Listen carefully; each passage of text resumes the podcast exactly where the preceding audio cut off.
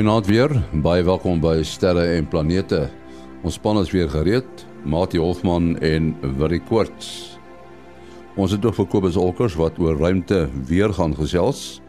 Maar eers 'n ruimte nuus. NASA het in sy poging om ruimtevaarders na die maan terug te stuur, samewerking verkry van 'n paar ruimtevaartorganisasies om die infrastruktuur wat benodig word te ontwikkel. Afgesien van die sogenaamde Space Launch System, die SLS, en die Orion ruimtetuig waarmee die ruimtevaarders na die maan sal reis, word werk ook gedoen saam met Lockheed Martin om die sogenaamde Deep Space Gateway te ontwikkel. Die wentelende maanhabitat sal nie net sendinge na en van die maan en Mars fasiliteer nie, maar mense in staat stel om soos nooit tevore in die verlede in die ruimte te lewe en te werk nie. Die sentrale deel van die tuig is die Donatello Multipurpose Logistics Module, kortweg MPLM. Dit is 'n omskepte pendeltuig ruimtekapsule wat onder druk geplaas word en deur eh, die Italiaanse ruimteagentskap herontwerp is. 'n Span wetenskaplikes het op die donkerste, koudste poolgebiede van die maan definitiewe tekens van waterys gevind. Die ysneerslag verskyn kolkol en kan moontlik antiek wees. Op die suidpool is die meeste van die ys by maankraters saamgepak, terwyl die ys op die noordpool van die maan dunner versprei is. 'n Span wetenskaplikes het data wat deur NASA se M3 tuig versamel is, gebruik om drie spesifieke tekens te ondersoek dat daar beslis waterys op die oppervlakte van die maan is.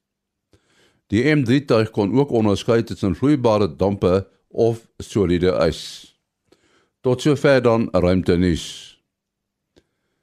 En hier is Kobus Olkers met ruimte weer. Goeienaand en goeienaand luisteraars. Ja nee, die son is 'n bietjie stiller hierdie week as wat hy verlede week was. Ehm um, kom ons kyk 'n bietjie, ons begin maar so bo en dan werk ons maar so onder toe. Heel bo het ons uh, 'n uh, noordelike kroon korona gat, nog steeds 'n redelike groot een wat tipies is van die son minimum. Ehm um, so 'n bietjie verder af het ons uh, nog 'n korona gatjie wat vir ons op die oomblik nog 'n klein bietjie ehm uh, hoëspoed sonwindstrome gee. Dit lyk nie asof daar op die oomblik enigsins iets verder is uh, op die uh, geo-effektiewe area van die son wat na ons kant toe wys nie. Maar nou ja, 'n koronagat soos ons weet kan enige tyd oopgaan en uh die die kondisies hierdie tyd van die van die son siklus is baie goed. So ek sou 'n uh, 'n goeie 60% kans gee vir nog hoë spoed sonwinde verder in hierdie periode wat ons nou voorspel. Dan wat uh komplekse magnetiese aktiwiteit areas aanbetref, het ons uh enetjie op die oomblik. Hy is geo-effektief. Hy's baie klein en hy's 'n baie goed gedefinieerde dipool. Uh met ander woorde ons verwag geen uh, uitbarstings van sy kant af nie. Uh hy is soos ek sê, hy is uh, geo-effektief, maar ehm um, hy beperk homself tot die son se oppervlakte en in die laer atmosfeer van die son.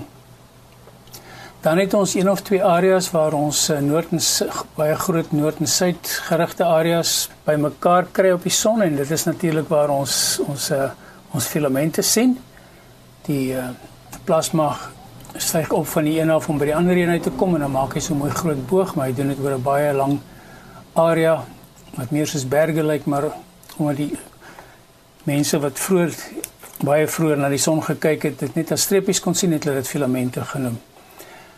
Nou ja, die een filament op die oomblik wat onstabiel is, is uh is amper van die rand van die son afgedraai, so selfs al gebeur daar enigiets gaan hy ons glad nie beïnvloed nie en die ander filamente wat ons sien in die noordelike helfte van die son, noordelike halfrond van die son is baie stabiel en ons verwag geen probleme van hulle kant af nie. So, 'n rustige week en selfs ons uh, kortgolfluisteraars kan kan redelike stabiele frekwensies verwag deur hierdie week. Goeienaand almal. Soos gewoonlik Kobus Olkers daar op sy pos in Florida, Amerika met ruimte weer. Professor Mati Hofman en uh wat ek kort is by ons soos ek gesê het. Ons wil so 'n bietjie gesels oor uh nuus wat uh onlangs in 'n sekere sin gebreek het en en dit is dat 'n planeet uh is gevind wat uh, as 'n 'n super warm Jupiter bekend staan. Nou uh Matthias, as ons praat van 'n super warm Jupiter, wat sê ons nou eintlik? Uh, uh en ja, eerstens die super super Jupiters is planete eksoplanete uh wat baie keer groter as as Jupiter. En dan die hart Jupiters is weer uh eksoplanete wat sê nou maar vergelykbaar of 'n bietjie groter of bietjie kleiner as Jupiter is, maar so naby aan hulle aan die aan hulle ster roteer dat hulle dan baie warm is. Nou onder daardie groep van uh, wat hulle dan hot Jupiters noem, het hulle nou die warmstes van hulle het hulle nou die naam gegee ultra hot Jupiter. Mense hou nou maar van van rekords. Ehm um, en dan die die die rekordhouer in hierdie kategorie is nou blykbaar 'n uh, 'n eksoplaneet met die naam Kelt 9b. Nou daardie Kelt spel mens al vier letters met hoofletters wat is 'n 'n akroniem wat uh, Willie ons meer kan vertel want uh, uh, van die Kelt se teleskope is ek 'n uh, 'n klompie teleskope met teleskope in die noordelike halfrond en in die suidelike halfrond. 'n klompie daarvan of ek weet nie of dit een is nie is dan daar by die Sutherland by die SAO uh, geleë. Die vraag is nou wat is dan nou so interessant van 'n super hot of 'n ultra hot uh ultra warm Jupiter? Ons kan seker nou maar uh vertaal. Nou net om 'n idee te gee hulle praat van atmosferiese temperature van oor die 4000 grade Celsius. Nou dit is bo die smelttemperatuur van 'n aantal uh, uh metale. Ons kan nou maar dink aan uh yster, ons kan dink aan ek wat is die, die uh, titanium is nou prominente metale wat dan nou ter sprake is by hierdie plan, uh, planeet. Hulle stel dit so in Engels, this planet is so metal. so as jy gaan kyk na hom dan sien jy tekens van metaal en uh, die ons kan nou nou dalk gesels oor hoe weet hulle dit hoe meet hulle dit want hierdie eksoplaneet Kelt 9b is 'n goeie 650 ligjare van ons af so uh, dit is nogal ver. Uh, dit is nader as wat die drie konings aan, aan ons is uh, maar uh, dit is heel wat verder as die meeste helder sterre wat ons kan sien. Ons selfs al 'n bietjie dowwerige sterre. As dit nou Jupiter, 'n soort Jupiter is, is dit dan 'n gasplaneet? Ja, nee, dit sal gasplaneet uh, wees om nou bykomend tot die temperatuur iets oor hierdie eksoplanete sê, kan mens net noem, hy's so naby dat hy sy periode, sy uh periode uh, ja, die omwentelingsperiode is maar 36 uur teenoor die aarde se 365 en 'n kwart dag. Uh, nou dit gaan daarmee saam dat hy baie naby aan sy ster is en hulle uh, beraam dit op 30 keer nader as die aarde aan die son. Nou die aarde se gemiddelde afstand vanaf die son is 150 miljoen kilometer. Nou deel dit deur 30 dan kom ons by 5 miljoen kilometer uit. Nou as die luisteraars nou onthou toe ons nou met uh Japie en uh, Kobus uh, Olkers gepraat het oor die Parker teleskoop. Dit is die naaste wat die Parker teleskoop aan die son gaan kom en dit word dan vlieg hy daar deur die korona van die van die son. So nou kom mens dink hierdie ster is ag liewer sê die eksoplaneet is net net buite bereik uh, van sy ster.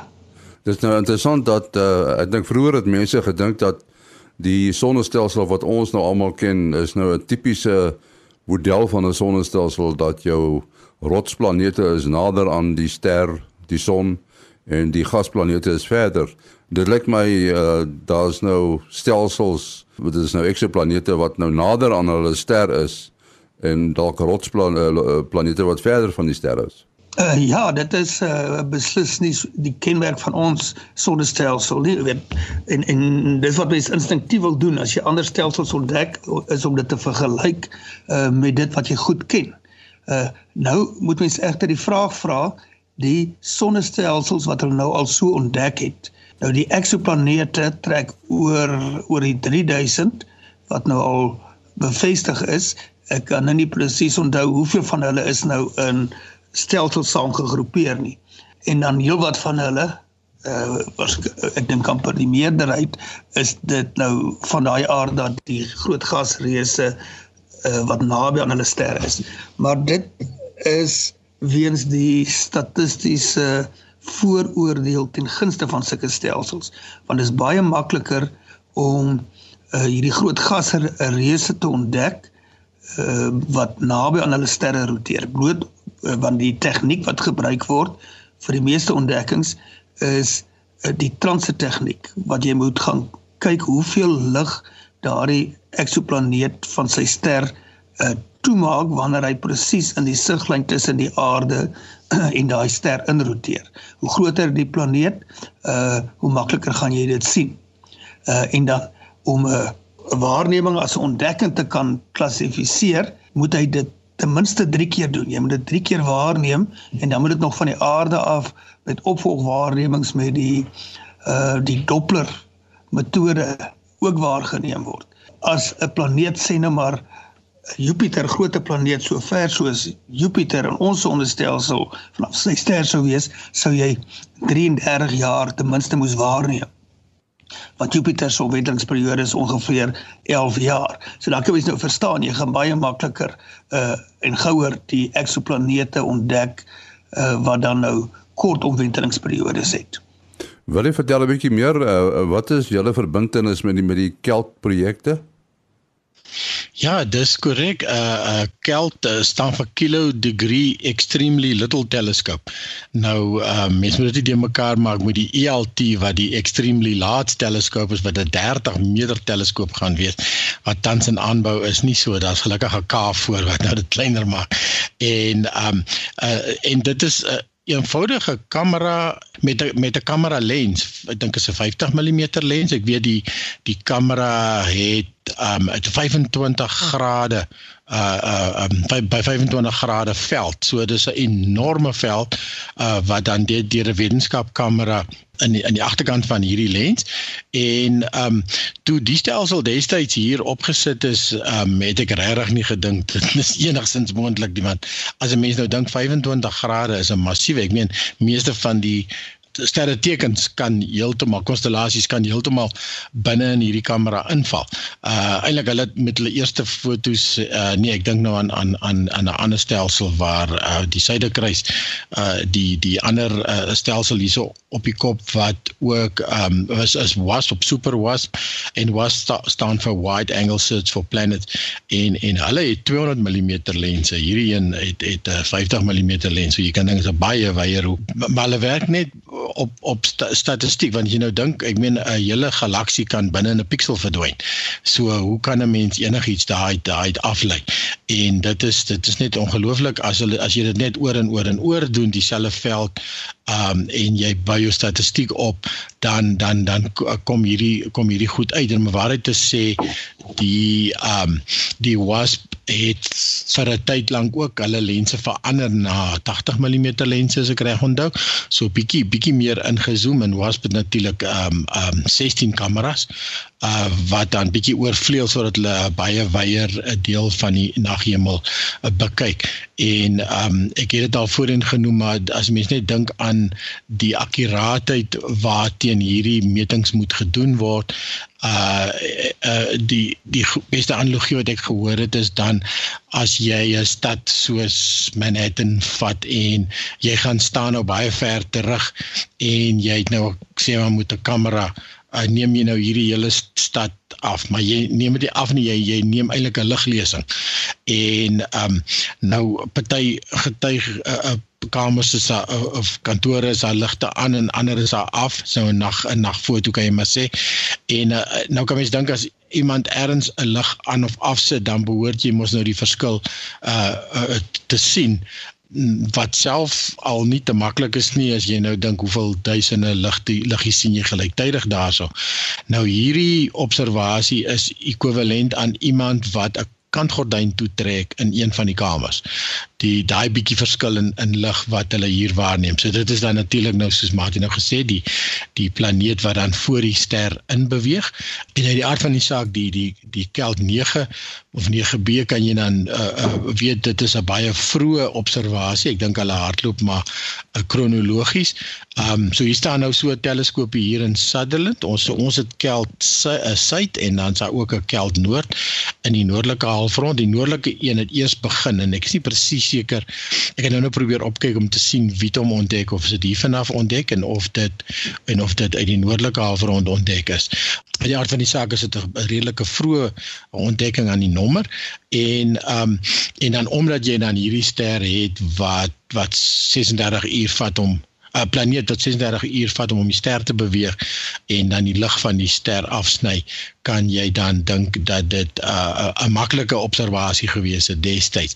Um die die moeiliker ouens uh um wat miskien langer periodes soos Martin nou gesê het vir vir Jupiter sê jy moet 11 jaar wag en um en dan as jy dit wil bevestig ten minste 3 keer dit is hoekom van die observasies uh of van die ontdekkings eintlik so lank vat om om bevestig te word. Uh um so die 3000 wat wat ons nou van weet, daar's eintlik 'n hele klompie ander wat noem kandidate wat hulle net besig is om te bevestig. Maar uh dit is net eintlik ongelooflik hoe baie uh planete is daar om ander sterre sê dit 'n uh, paar dekades nou wat ons hierdie observasies kan doen. Ja, so die die die interessante ding is wat Martin nou gesê het is is is hoe hulle dit kan meet um en en die en die verskillende uh, uh samestellings van die van die ding maar miskien moet Mati eerder uitbrei daarop. Ja, ek wil nou net sommer uh die statistieke van die eksoplanete bietjie meer presies maak. Uh ek sien hier van 1 op 1 Augustus uh 2018 het hulle die bevestigde eksoplanete getel op 3815 uh en van daar die eksoplanete was daar's 633 sterre wat meer as een uh, planeet gehad het wat mense dan nou sê as ware kan begin praat van 'n uh, van 'n sonnestelsel. Nou wat vir my nogal interessant is uh uh hierdie is dat die Switsers is nogal leiers op die gebied van hierdie eksoplaneet uh, ontdekkings. Ehm um, en hulle uh omdat hulle nou nie noodwendig die toegang het tot die groot ruimte teleskope en die grootste teleskoop op aarde nie behalwe via uh, ESO moet hulle dan nou maar partykeer vindingryke metodes uh, uitvind soos hulle nou met uh, geld gedoen uh, gedoen het. Ehm um, nou die die eerste eksoplaneet wat ontdek uh, ontdek was uh, was gedoen deur Michel uh, Meyer uh, van die Universiteit van uh, van Geneva. Ehm uh, en hierdie bepaalde uh, ontdekking van die uh super warm uh, Jupiter uh, wat ons nou van gepraat het is ook deur uh deur samewerking deur verskeie Switserse universiteite onder andere weer Geneva of Genève dan seker in Afrikaans uh en uh, Lausanne daar's ook uh ander uh Europese navorsers betrokke uit ander lande.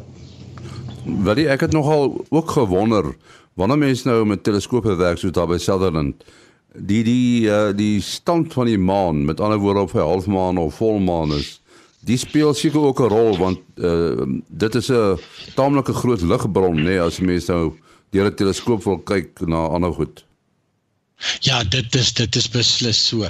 Ehm um, in in toe ek nou jare terug hier begin het, het ek uh, uh was ons grootste teleskoop natuurlik nou die die 74 duim of 1.9 meter teleskoop en ehm um, daarso het jy gekry dat in die helder maan gedeeltes uh sou hulle altyd die die infrarooi instrumente gebruik het. So die infrarooi meet ons nou basies die hitte en dit sal dan nou nie die helderheid van die atmosfeer of die helderheid van die omgewing uh sal nie vreeslik beïnvloed word met die infrarooi nie. En dan in die donker so so die basies twee helder weke, twee twee twee donker weke. Uh en in die in die twee donker weke sal jy dan tipies die spektrograaf uh gebruik het. Nou interessant genoeg ons is ek is jy staan in Sutherland. Ons het verlede week uh die hoë resolusie spektrograaf en dit is byvoorbeeld ook 'n instrument wat uiteindelik kan hierdie bevestiging doen van uh eksoplanete deur die deur die Doppler verskywing te vermeet te te, te meet. Dis interessant genoeg dat uh daar was nou druk om hierdie instrument klaar te kry. Ons het uh, aan toe was hy kameras gewerk uh, verlede week en ehm um, die, die die die druk was juist die maan raak nou helder en en nou begin daai instrumente domineer. So meeste van die observasies uh wat dan gedoen sal word uh, uh sal hulle dan vir die hoë resolusie spektrograaf uh doen.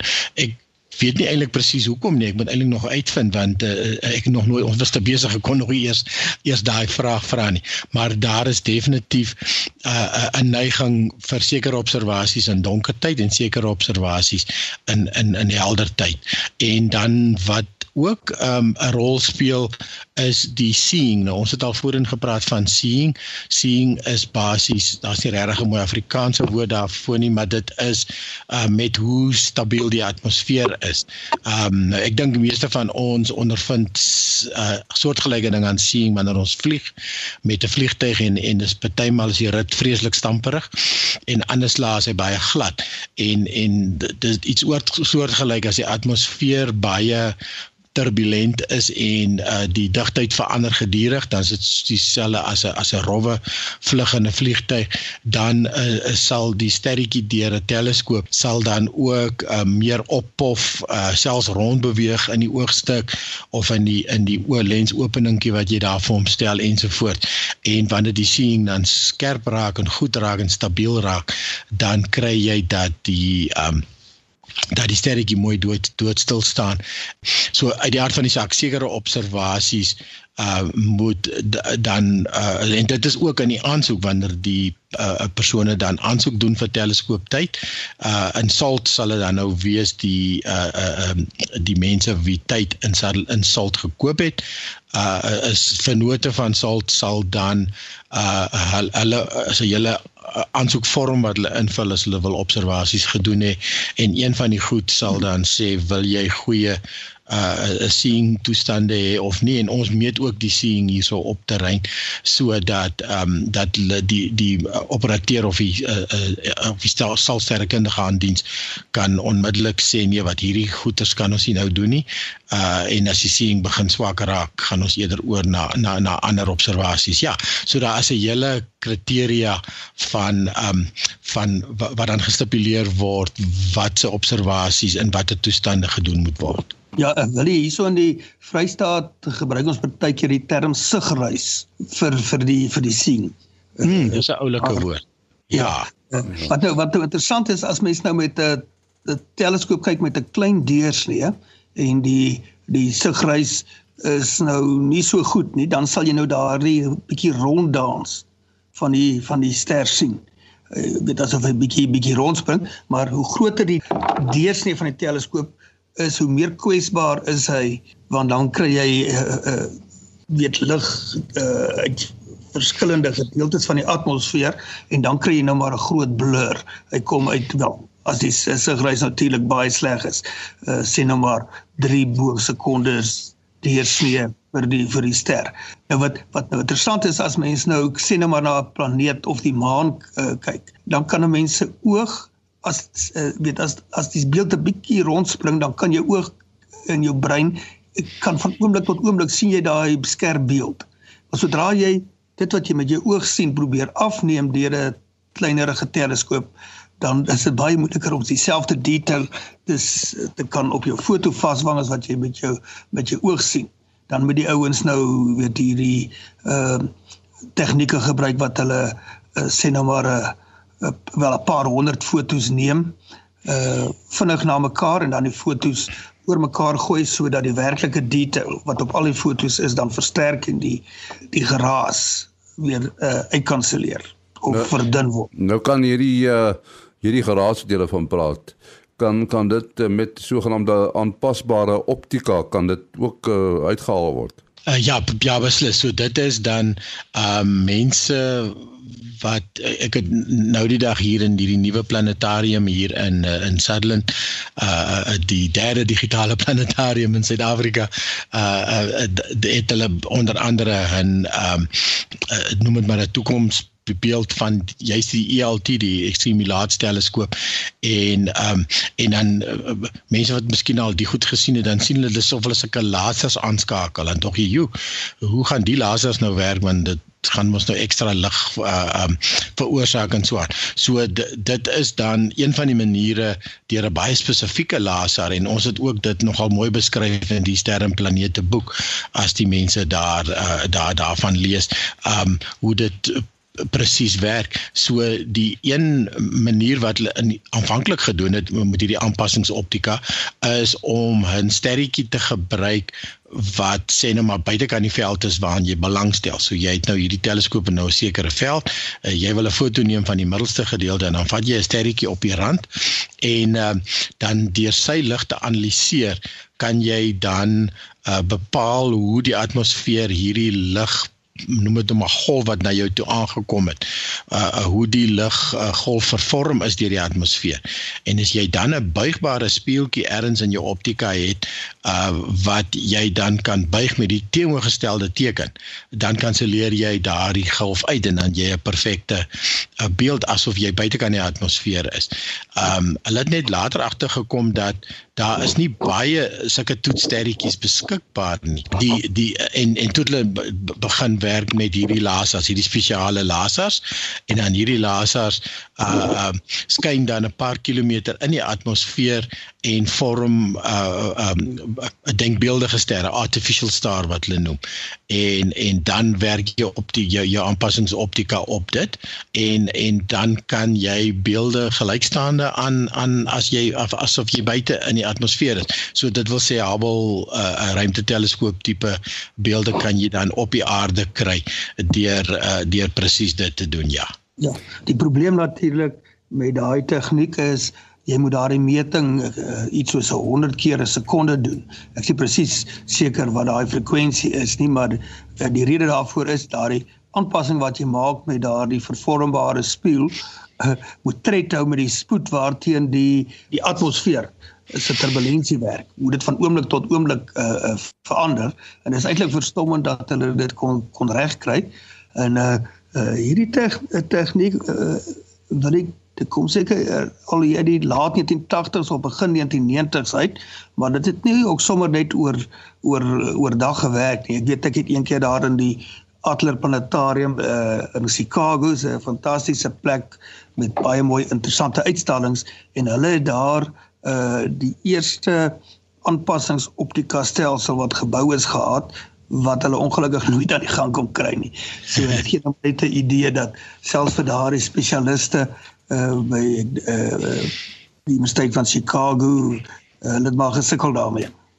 Ja nee en uh, dit is dit is presies nie maklik nie soos jy sê daar's ook verskillende tegnieke partymal is dit 'n klein speeltjie wat jy by partymal is dit 'n groter speel en ehm um, ek het verstaan en natuurlik dit sal 'n mens nou moeilik kan verifieer want dit is gewoon geklassifiseerde inligting maar uh, ek dink is Greg Roberts wat vir my vertel het dat uh, aanpassingsoptika is eintlik verkeerd om eers toegepas. So jou jou spionasie satelliete wat wil afkyk aarde toe uh, het dieselfde probleem as ons wat wil uitkyk na die ruimte toe. En uh so om 'n skerp beeld te kry van iets wat mense weet self as jy op 'n warm dag met 'n verkyker mense wat jag of so sal dit seker vir jou duidelik kan sê die die uh uh um, veral as jy al langs die aarde opkyk uh, lang jy weet uh, horisontaal kyk waar die hitte van die aarde af opkom dan is dit bitter moeilik om iets op 'n ver afstand duidelik te kry.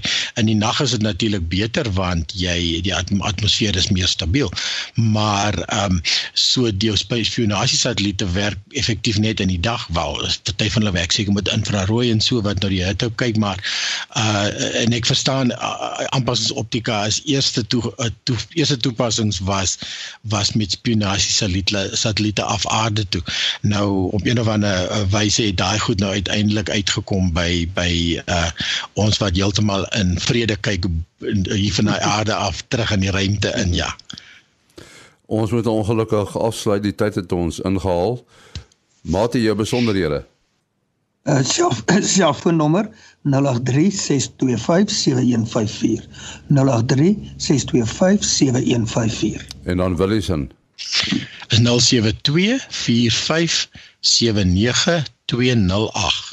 0724579208.